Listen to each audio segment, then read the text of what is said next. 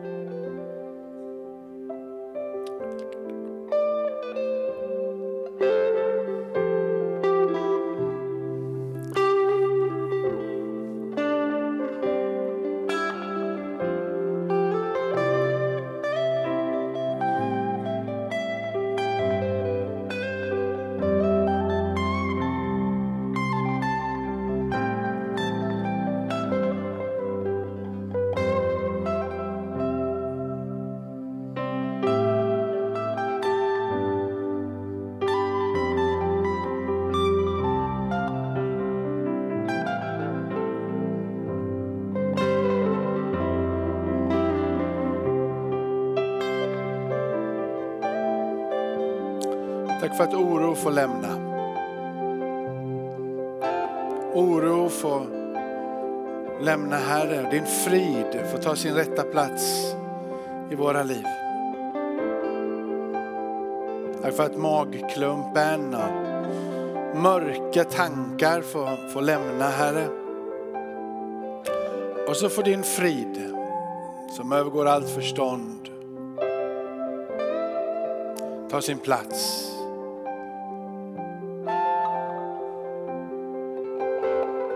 Kom som en vind.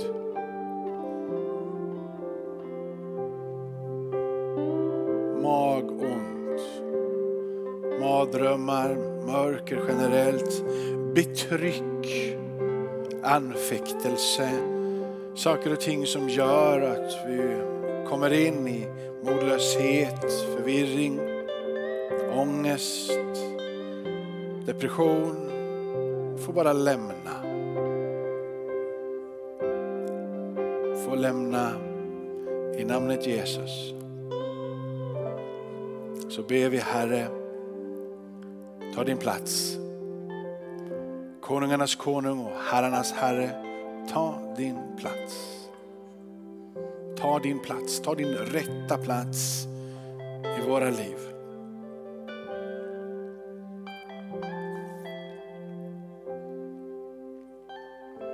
Du får bli större Herre. Vi får bli mindre.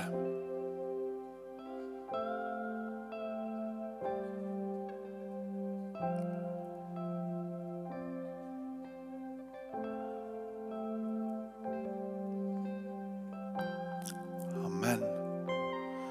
Amen. Tack så mycket. Det är väl ett, kanske för många ett annorlunda sätt att bli betjänad. Ehm, men det finns i Bibeln så det är ju inte, det är ju inte helt orimligt att man skulle göra så i en gudstjänst då. Eller? Nej. Jag blev bara rädd att jag inte hade med mig er på, på resan. Men... Tack så mycket Thomas och, och Lovisa. Hörni vänner, jag hade tänkt så här. Eh, att eh, jag tänkte jag skulle försöka att, eh, att, eh, att tala ännu mer om den heliga ande som jag eh, sa redan förra söndagen. Och ehm, jag ska, jag ska prata utifrån att den heliga ande är den som, är den som leder och den som undervisar. Den heliga ande är den som leder, den som undervisar. Det är det som jag, som, jag, som jag vill stanna vid. Men vem är det då som undervisar oss och vem är det som leder oss? Vem är den här eh, den heliga ande? Och ehm, eh, jag tror att Ehm, ska vi, läsa, vi läser från Lukas först och så går vi in och så, så lägger jag någon, någon, någon inledning. Det här är vad den texten jag vill landa i i slutändan. Ehm, och så ska vi, men vi börjar i Johannes 14 sen. Men vi läser tillsammans så du har fått med den här. Till er mina vänner säger jag er. Var inte för rädda för den som dödar kroppen och sedan inte kan göra. Jag ska visa er vem ni ska frukta. Frukta honom som har makt att döda och sedan kasta i henne. Ja, jag säger, honom ska ni frukta. Säljs inte fem sparvar för två kopparmynt och inte en enda av dem är glömd inför Gud. Ja, till och med alla hårstrån på ert huvud är räknade. Var inte rädda. Ni är mer värda än många sparvar. Jag säger er, den som bekänner mig inför människor ska också människosonen bekänna inför Guds änglar. Men den som förnekar mig inför människor ska förneka det inför Guds änglar.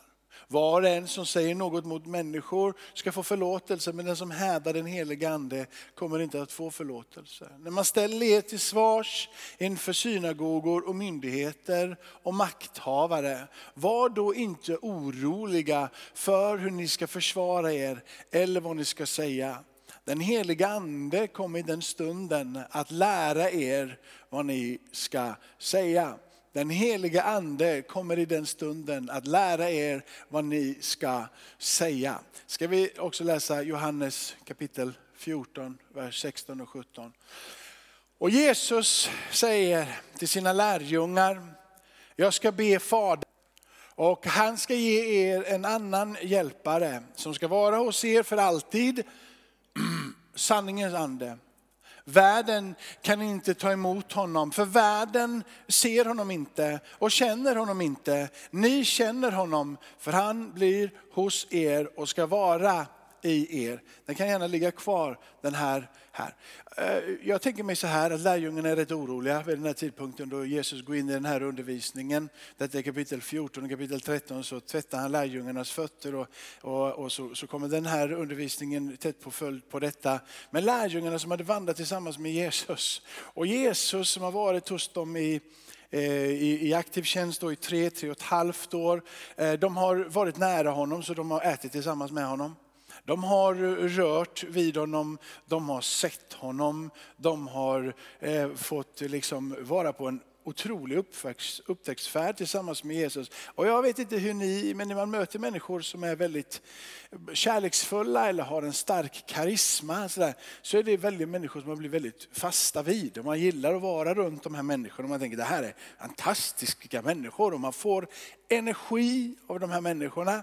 Och man känner sig väldigt upprymd när man möter sådana här människor. Och jag tänker lite att lärjungarna hade det på samma sätt.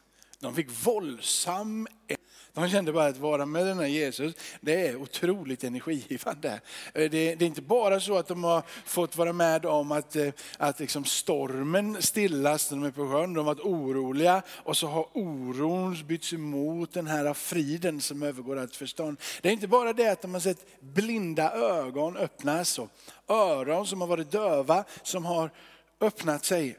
De har fått se de som är utstötta i samhället, som ingen vill vara med, att de har fått bli inkluderade i gemenskapen. Blödarsjuka kvinnan, den spetälska, syndare, publikaner, alla de som är på utsidan har fått bli omfamnade och komma nära. De har fått se en Jesus som talade om att ta hand om den svage, att hjälpa den som är i nöd. Att barnen är viktiga, kom barnen till mig, ta emot välsignelse. Barnen tillhör ett sådant rike. Jesus har gett dem så många nya infallsvinklar på livet så att de känner den här Jesus, han har gett oss ett helt nytt perspektiv. Den här Jesus är så stor, den här Jesus är så fantastisk. Hur ska vi kunna överleva det här livet utan Jesus? Hur ska vi kunna fungera i det här nya som han pratar om utan honom? När han nu börjar tala om för dem att jag måste lämna er vidare. Så nej, du ska inte gå vidare. Vi vill ha dig här. Hur ska vi kunna överleva utan dig? Vad ska hända med oss när du inte är här? Och det är ju här som man talar om för dem, var inte oroliga. Var inte rädda. Jag ska be min fader i himlen och han ska ge en annan hjälpare. Och när Jesus säger en annan hjälpare här och när, du, när de då liksom ska förklara det här ordet, jag kan inte grekiska, ska inte ge mig in på grekiskan heller, men när de försöker förklara det här ordet hjälparen som det översatts här då från det grekiska ordet parakletos, så, så pratar de om en tröstare, en, en advokat som talar för din sak, en hjälpare, en som är nära. Och när det då står en annan hjälpare som ska vara hos er så försöker de då sammantaget, vad innebär hela den frasen? Och då säger de att en som är som mig, precis likadan som mig fast inte jag. Men en som är likadan som mig, som är som mig, som ni behöver, som alltid ska vara hos er. Så Jesus ger ett uttryck för att faktum är så här, att det är bättre för er att jag går bort och lämnar er. Hur märkligt det än känns och hur annorlunda det än känns så finns det en annan person. Det finns en annan som vill vara med er som Fadern ska sända i mitt han utgår ifrån Fadern, han blir sänd i mitt namn. Den här sanningens ande, han ska förbli hos er. Han ska för alltid vara hos er.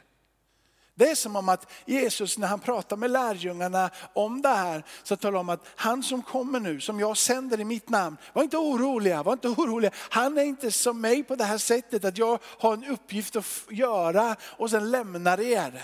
Utan han som kommer i mitt namn, han är som mig. Han ska alltid vara hos er. Han ska förbli hos er och han ska vandra med er. Ni måste lära er det här på nytt. För nu har ni sett mig fysiskt hos er. Men han som kommer till er, han kommer vara i er och han kommer vara med er. Jesus lovar detta. Han lovar detta på samma sätt som han ska frälsa dig. Känner du liksom, om du har kommit hit till gudstjänsten för att du känner att jag vill tillhöra Jesus, jag är frälst. Så kommer du ju hit för att du litar på de orden, för att du har upplevt korset. För att du har upplevt dess kraft och du väljer att komma hit. På samma sätt så har Jesus lovat att jag ska ge er en annan hjälpare. Det är förtröstan på, hans, tröstan på personen Jesus. Att Jesus har sagt det till dig och mig. Det är där vår förtröstan ligger. Det är där mottagandet av den här personen finns.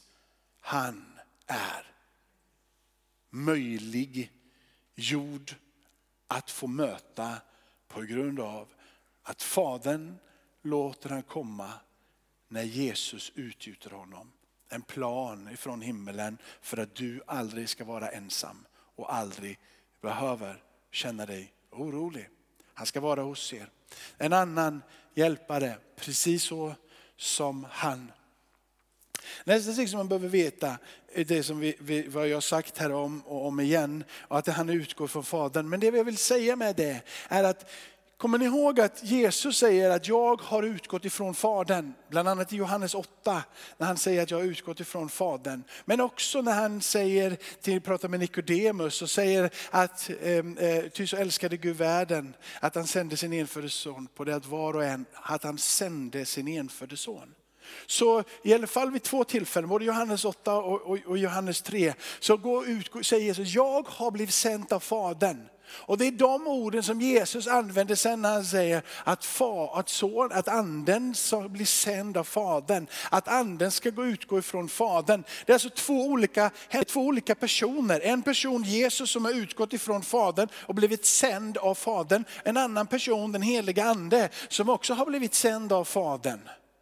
Annars så alltså och det är Jesus som, som, som, som säger det, det är Jesus som nämner det. Han som har frälst dig är han som säger att en annan ska komma, den heliga ande, han som utgår ifrån Fadern ska bli sänd i mitt namn. Den heliga ande är ett resultat av Jesu bön. Jag ska be Fadern. Så det är inte så att Jesus bara sänder honom, eller Fadern sänder honom, men Jesus är aktiv i mötet mellan den heliga ande och dig. Han är aktiv i allra högsta grad. Det är han som ber Fadern det står ju till och med så här i andra eh, kapitlet i Apostlagärningarna, vers 33. Det står när Petrus för den här predikan inför folket efter att pingstdagen är där och anden faller. Så säger han att när, när sonen har blivit upphöjd med Guds högra hand där och är tillsammans där och tar emot den heliga ande så står det att då ska han utgjuta anden över er så som det sker idag. Så eh, Jesus är den som ber för oss att det ska ske. Han är den som fortsätter be ska ske. Han är den som i Johannes 17 ber för lärjungarna, ber för eh, oss som ska komma till tro på dem. Han är aktiv i sitt bön för dig och mig, för att vi ska möta personen, den helige Ande. Få ett möte med honom. Varför? För att vi behöver honom. På samma sätt som lärjungarna behövde Jesus närvaro i deras liv, så behöver vi den heliga Ande. En person som vandrar med dig, en person att tala med, en person som vill visa saker för dig. Ta allting det som Jesus sa, Jesus lärde, Jesus gjorde och ge ljus för dig och mig så vi kan ta emot och vi kan tro. Den lovar Jesus någonting mer. Jag tar fyra saker om den här personen, heligande. Och sen ska jag undervisa underifrån att hur han undervisar och hur han leder. Men det är så här också, att personen heligande ska aldrig lämna er. Jesus lovar att han aldrig ska lämna er. Och jag tror att jag gav dig Efesierbrevet 4 och 30 där va? Eh, och det här, den här är, det här är starkt. Koncentrera inte på första delen för det är inte det vi predikar om, bedröva inte Guds heliga ande. Det tar vi någon annat tillfälle. Men han säger så här, ni har fått den här sigillet för befrielsens dag, eller förlossningens dag. Ni har fått den här heliga ande som ett sigill, vill säga som ett märke. Märkt, som eh, vad det nu än är, en kossa som blir märkt från landet. Blir kossorna märkta hos dig Hulda? ja, fåren eller någonting. De blir märkta, de får ett märke på sig och det är ett sigill. Fått ett sigill, ett märke av du tillhör och du är där, du har den heliga ande och du ska få ha den här heliga ande, inte två dagar, inte tre dagar, inte liksom en period på sommaren när allting känns bra eller när du går in, utan du ska få den helige heliga ande som en person som är närvarande för att undervisa och lära dig och vara där med dig alla dagar ända fram tills den dagen som Jesus kommer tillbaka. Förlossningens dag, befrielsens dag, då vi lämnar detta jordeliv och stiger in i det nya livet som han har lovat. Det eviga livet tillsammans med Fadern för alltid. Där det inte längre finns finns någon gråt, där det inte längre finns någon sorg. Men för att du ska veta att hoppet är fäst på det liv som ligger där framför och som väntar på dig, så har han gett dig andens närvaro nu som ett sigill för att du ska veta att du tillhör Gud, att du är hans barn och att du kan med tillförsikt se fram emot den dagen då du ska få möta honom fullt ut i det nya eviga livets fulla åskådning den anden som Hanna säger att han ska ge då kan ju vara hyfsat viktig. Eller? Han blir ju, han blir ju, han blir ju liksom, ja, Jesus är ju alltid centrum. Som Jesus säger, ni behöver honom. Ni behöver honom för att hålla fast vid hoppet. Ni har fått honom som ett sigill så att ni kan känna och hålla hoppet starkt och tron levande. För den dagen ni stiger in i det som har blivit lovat i mitt namn, den befrielsedagen, fram till den dagen, så är ni i behov av att den heliga ande vandrar tillsammans med er. Att den heliga ande är närvarande i ditt liv. Och därför blir det ju väldigt intressant, hur är han närvarande då? Hur, vad, vad, är det, vad är viktiga saker att komma ihåg när det kommer till det? Hur undervisar han? Hur leder han? Hur och vad? Och det tänker inte jag så mycket idag på exakt de gåvor som den heliga ande distribuerar till var och en av de som är kristna så att det blir till nytta för församlingen och nytta. Jag lämnar, lämnar den, det får vi ta lite längre fram. Men jag vill tala om att den heliga ande är livsavgörande för din förståelse om frälsningen. Och den heliga ande är livsavgörande för att förstå att Gud har tålamod med dig och mig. Att Gud har barmhärtighet. Att Gud är en nådefull Gud. Ända sedan gamla testamentets tider, ända sedan Gud rörde vid folket och kallade folket Israel, så har Gud ständigt och jämt kommit tillbaka till att han är en nådefull Gud som har stor barmhärtighet. Att han har inte snabb till vrede utan sen till vrede. Och det som kommer i Nehemja bok så tydligt i kapitel 9, det är att Gud vill leda med sin ande. Israels folk lever i uppror. De är envisa, de är stolta och de är tröga till omvändelse. Och egentligen så borde Gud bara säga, jag orkar inte med er mer. Men han har sån stor barmhärtighet. Och inte bara att han vill ge dem nåd på nåd på nåd på nåd. Han säger även att jag vill leda er med min ande. Jag vill vara närvarande mitt ibland er. Det är ingenting som händer på pingstdagen, att Gud vill att sin ande ska vara över det folk som han har kallat. Det är någonting som ligger tillbaka i alla texterna. Det är en röd tråd, precis som Jesus är en röd tråd ända från början ända till slutet. det var han som ska bli frälsare. Så finns en röd tråd, tråd att den heliga ande, andens närvaro är viktigt för det folket som Gud vill leva, leda. När han pratar om den heliga ande, Jesus, Lukas skriver ner det här och Lukas försöker liksom förklara hur det här är. Lukas tar Jesu ord och han säger på något sätt, skulle jag vilja säga, var inte rädd för människor, de kan inte skada er. Var inte rädd för människor. Var inte rädd. Grips inte av fruktan, grips inte av rädsla. Hur ni än ser på världen, om du lever i en regim, i en diktatur eller du lever i ett öppet samhälle. Som, var inte rädda för människor. Frukta inte människor. Ta inte skada av det som människor säger. Lär er att inte låta det träffa er. Låt det få studsa till marken. Var inte rädda för människor. Människor kan bara förstöra det som är för blotta ögat. Men kom ihåg att ni har tagit emot den heliga ande och mött med honom som ett sigill. Vetskapen om att du har en plats tillsammans med honom, ett evigt liv och du bara väntar på att få bli förlossad. Var inte rädd för det. Och så avslutas orden i, i, kapitel, i kapitel, eh, kapitel 12 i Lukas, i Lukas där mot de sista, sista verserna där ifrån 12 där han säger, och talas den helige ande. Han den heliga kommer en stund att lära er vad ni ska säga. Jag tror att det är både ord som kan trösta dig. Men det är ord också som kan tala fram din mening inför dem som du möter. Han är så tydlig i början av den här texten också. Han har omsorg om dig, han vakar över dig. Du är värd så mycket mer än en sparv. Och se hur mycket sparven är värd. Hur mycket mer värd är inte du då? Att tala så specifikt om att inte bara mat på ditt bord utan hårstråna på ditt huvud. För att du ska veta det idag. För att de nere i Afrika eller i Sydamerika eller vad det må vara, eller månen. Så behöver de personer den helige ande. Som talar till ditt och mitt hjärta och ger dig och mig förståelsen och omfamningen av att du och jag har en Gud som har omsorg om var och en. Vi behöver den heliga ande mer än vad du kanske någonsin har trott eller tänkt. Avfrämja dig inte från den heliga ande. Du är mer i behovet av honom idag, nu när du är frälst, än vad du var innan du blev frälst. För innan du blev frälst, då står det att då kunde du inte förstå vad han hade att säga ändå. Världen kan inte ta emot det här. Världen kan inte fatta det här.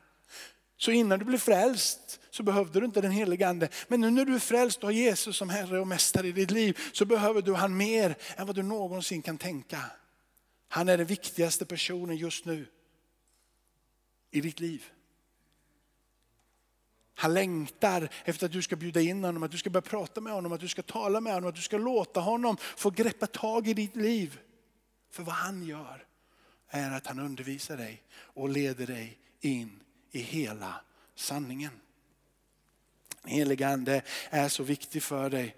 Tappa inte hoppet om att den heliga ande är närvarande för dig. Titta inte på dina erfarenheter av misslyckande eller kanske att det inte blev som du har tänkt eller att du tycker att de där de överdriver den heliga ande eller de med den falangen de beter sig så konstigt så jag vill, de pratar så, jag vill inte ha med det att göra. Koncentrera dig på vad Bibeln säger om den heliga ande. Titta vad Bibeln säger om den helige Ande, hur livsavgörande och hur viktig den helige Ande är för ett dynamiskt liv tillsammans med Gud. För att överhuvudtaget kunna hålla fast vid din frälsning och leva ut det liv som han har gett. Han lovar dig dyrt och heligt att han är med dig. Han lovar dig dyrt och heligt att han ska lära dig allt. Den heliga ande. Och det är som man måste komma ihåg när man läser de här texterna. Och när, när, du går hem och läser från Johannes 14, 15 och 16 och börjar och håller till 14 ett tag och läser igenom och läser igenom. Det är Jesus som pratar med dig. Det är Jesus som säger de här orden. Och Jesus, låt han tänka att han får titta dig i ögonen på något sätt va? och säga han den heliga ande, när han kommer, en annan som är lik mig, precis som mig, när han kommer, då ska han lära er allt. Och jag tänker så här när jag läser det här, jag tänker att om inte Jesus hade sagt det här, så hade man kunnat tänka att han inte, den helige ande kanske är bra för någonting, men, men Jesus är bra för allt. Men Jesus är det som tittar på sina lärjungar, samlar dem runt omkring sig, troligtvis verkligen innerligt kärleksfullt och med uppriktigt hjärta säger att han ska lära er. Han, ska lära. han är livsavgörande för att du ska förstå allt. Och varför är det på det sättet? För att innan så har det varit en hemlighet.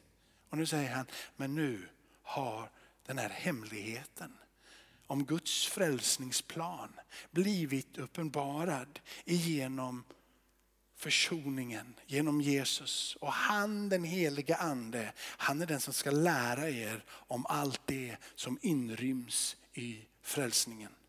I den plan som Gud har. Det är klart att vi behöver den heliga ande. Känner du ändå att det plockar på lite granna?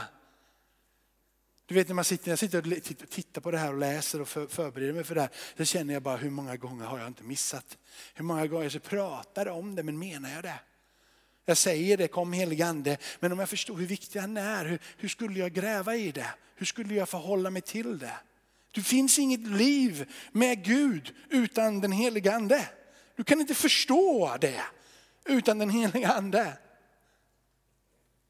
Så vi behöver vandra in i en djupare gemenskap med honom. Vi är aldrig lämnade ensamma. Du är inte lämnad ensam till din egen förmåga att hålla kvar vid Gud. Du är inte lämnad ensam till ditt intellekt att hålla liksom resonerande till att det måste finnas en högre makt. Därför håller jag fast vid Jesus. Du är inte begränsad till vad du kan förstå, vad du inte kan förstå. Du är inte begränsad till erfarenheten. Vissa har starka erfarenheter och säger som Paulus har varit uppe bland liksom himlarymderna på något sätt och mött där uppe bland himlarna. Har han mött, mött massor med ord och han har mött änglar och han har mött allt möjligt där uppe. Han har verkligen höga uppenbarelser. Och så finns det de som säger att jag aldrig upplevt någonting. Men det spelar ingen roll vilken erfarenhet du har för det beror inte på din erfarenhet av att hålla kvar dig vid Gud. Det beror inte på ditt starka vittnesbörd eller icke starka vittnesbörd. Det beror på att du har bjudit in den heliga ande i ditt liv och den heliga ande är närvarande. På en del människor väldigt påtagligt så att det blir gåshud bara man pratar om den heliga ande. För andra som kanske är på något annat sätt lagda känner ingenting, upplever ingenting. Men Jesus säger att det är på grund av den heliga ande som du håller fast vid hoppet. Det är han som verkar, vare sig du känner det eller inte känner det. Han har inte lagt det på din egen förmåga, han har lagt det i sina eviga händer att ta hand om dig. Det är inte du som håller fast vid Gud, det är Gud som håller fast vid dig och han vill lära dig allt och han vill ta dig in till den platsen. Men vi känner som skriften säger, säger Paulus, vad ögat inte har sett och öra inte har hört. Människors, där citerar ni i testamentet, vad människohjärtat inte kunnat ana, vad,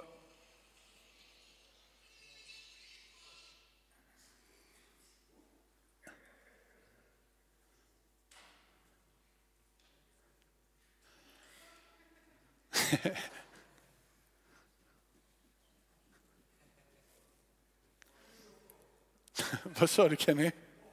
Alltså, stoppar, du han, stoppar du han vid dörren när han kommer tillbaka sen? ni får göra vad ni vill med. Han får gärna komma fram igen, han stör inte. Eh, jag läste från skriften, jag läser igen från skriften. Eh, från, från andra Korintierbrevet. Eh, Paulus först citerar gamla testamentet och sen så säger han. Men vi känner som skriften säger vad ögat inte har sett och örat inte har hört och människohjärtat inte kunnat anat. Vad Gud har berättat dem som älskar honom. Och så säger Paulus, ty för oss har Gud uppenbarat det genom sin ande. Det är anden som utforskar allt, också djupen i Gud. Vem vet vad som finns i människan? Utom människans egen ande, så vet heller ingen vad som är i Gud, utan Guds ande. Men vi har inte fått världens ande, utan den ande som är från Gud för att vi ska veta vad vi har fått av Gud. Detta förkunnar vi också, men inte med ord som, män, med, som mänsklig visdom lär, utan med ord som anden lär när vi återger andliga ting med andliga. Gud har en beredskap och har alltid haft en beredskap. Gud har och vill att du ska ha ditt hopp fäst på den nya himlen och den nya jorden. Han låter anden verka, för hur skulle vi kunna förstå de, dessa andliga ting? Hur ska vi kunna förnimma en verklighet som är bortanför den här dimensionen? Annat med den dimensionen som vet vad det är. När du och jag tänker på den heliga ande och den heliga ande, vi tänker på andliga ord så kanske du fastnar i profetiska sägner eller andra, liksom drömmar som, som tar bort dig eller syner som svindlande drar förbi. Men i det här sammanhanget och i de flesta sammanhang när det återges andliga ting med andliga ord så handlar det om att du överhuvudtaget ska kunna greppa den till den, till den världen som är liksom bortanför detta. Det är det som pratar. Hur ska du kunna greppa det som du överhuvudtaget inte kan förstå annat än att du får någonting som gör att du kan förstå det. Och då måste Gud ge dig någonting av hans evighet, hans ande som är evig. För att du ska förstå någonting som är bortanför det här. Så när den här, den här texten handlar om först och främst om att du har fått en hemlighet förklarad med den andens närvaro så att ditt hopp inte är fäst vid det som är för ögat. Utan ditt hopp är fäst vid det sigill av ande som Gud har gett dig. Kom inte till mig och säg att du är kristen bara för att du tror att Gud helar. Eller för att du blir kristen för att du vill bli en bättre människa. Eller för att du vill bli kristen för det här och för det här och för det här. Då har du degraderat Gud till en plats långt, långt här nere. Det var inte därför han frälste dig. Han frälste dig för att du skulle kunna få höra om andliga ting. Om ett evigt liv där du får vara med Gud för alltid. Och för att du ska kunna tro det, för att du ska kunna förstå det, så ger han dig och mig tecken i den här tiden över sin närvaros verklighet. Varje gång ett helande kommer så är det tecken på den verklighet som man har förberett för dig och mig. Varje gång som du och jag förnimmar någonting utav en annan dimension så är det för att vi ska hoppet fäst där borta. Det är lite jobbigt ibland för vi vill ju tänka att jag är kristen här nu för att jag ska få ett lite bättre liv här. Liksom, Men det är inte därför som Jesus kom. Han kom för att förlösa dig och mig. Han har du fått som ett sigill ända fram den till den dagen han själv säger du ska bli befriad ifrån den här tidsåldern. Den här förlossningens dag. Man sätter in den till en ny plats. Det är vårt hopp. Det är det vi håller fast vid. Det är därför du behöver den heliga ande mer än någonting annat. Du kan inte greppa det, du kan inte förstå det, du kan inte leva i den verkligheten, du kan inte omfamna det, du kan inte förstå ett jota av nästkommande värld utan andens närvaro. Du behöver den heliga ande vet du.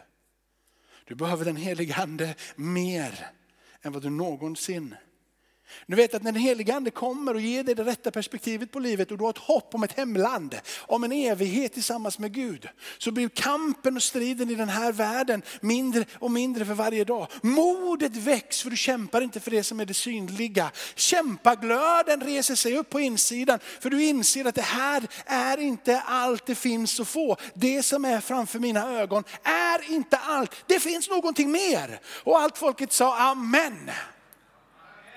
Det är därför som du kommer hit varje söndag, även om du själv inte vet det än. Ja, amen. Det är därför du kommer, det är därför du dras hit. För det finns ett hopp. Och det hoppet i vetskap eller ovetskap, klart omdöme, fullt ljus eller full uppenbarelse eller ingen uppenbarelse är det som drar och det är det som ger dig kraften. När du inte längre orkar så håller du fast vid hoppet om att det finns en förlossning, det finns en befrielse, det finns en nästkommande värld som omfamnar. Du behöver den heliga ande Ingrid behöver den heliga ande mer än vad du någonsin innan har funderat över. Du behöver den heliga ande. Hur skulle du kunna förstå någonting av vad Gud vill göra utan den heliga ande? Den heliga ande ger dig förståelse om frälsningsplanen. Äh, det var det brummar här idag, överallt. Gav jag dig Efesierbrevet 1 7. Nu vet jag inte, jag har hållit på i, jag, jag tror jag går ner för vi ska ha nattvard och så, men jag gav det inte Efesierbrevet 1 7. Men, men jag, vill, jag vill säga så här, Paulus, Jesus ber för oss om det här. Jesus talar ganska tydligt och klart om det här. Paulus är lika tydlig, för det är ju han som skriver Korinthierbrevet här. Men Paulus är väldigt ty, tydlig med 17. Han är väldigt, väldigt tydlig med hur han vill att vi ska förhålla oss till det och hur han agerar på det här. Han säger så här, eh, 17 att, eh, att eh, så här, jag ber, jag ber att vår Herre Jesus Kristus Gud, härlighetens fader, ska ge visheten och uppenbarelsens ande så att ni får rätt kunskap om honom. Så att ni förstår det här. Han, jag ber för er. Jag ber för er. Jag ber för er. Jesus ber för oss. Jesus ropar för oss. Paulus ropade. Han kan inte fortsätta be för vi tror ju inte på liksom helgon som sitter där och ber. Men om Paulus uppmanar att be för att en ande av uppenbarelse skulle komma så vore det vår största och viktigaste bön. Att du ber om en visheten och en uppenbarelsens ande så att du förstår vem Kristus är. Det borde vara din dagliga bön. Heligande kom, heligande jag ber. Heligande, heligande kom med din vishet och uppenbarelse. Jag ber till min fader i himmelen i Jesu namn kom. Jag vill ha det här. Jag måste ha det här. Hur skulle jag annars kunna förstå andliga ting och sätta mitt hopp om det eviga livet så att jag får kraft och styrka och mod här och nu att tro att Gud är och har en frälsarplan. Och att sonen är den han är.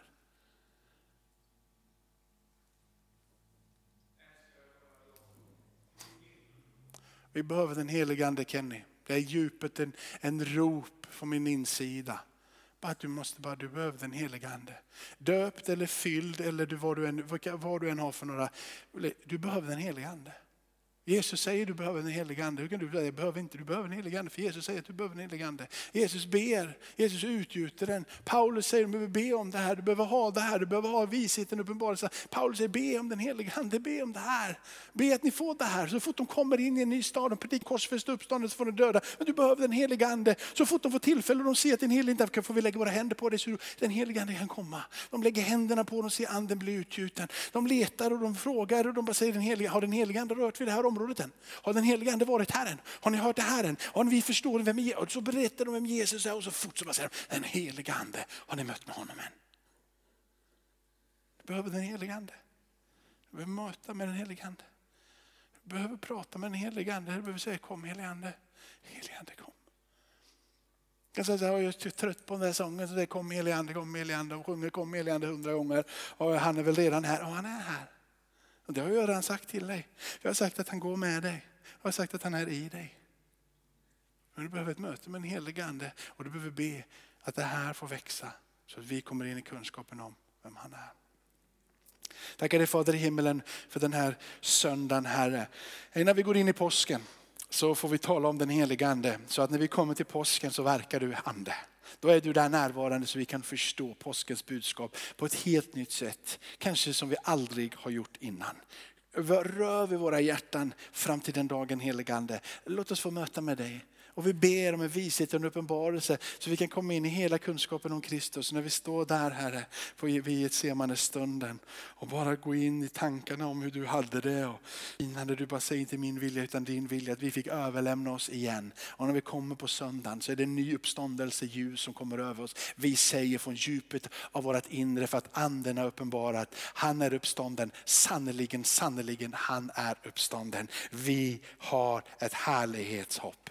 Heligande, möt med oss, döp oss, fyll oss, förvandla oss så att vi kan följa Jesus. Amen och amen och amen och amen.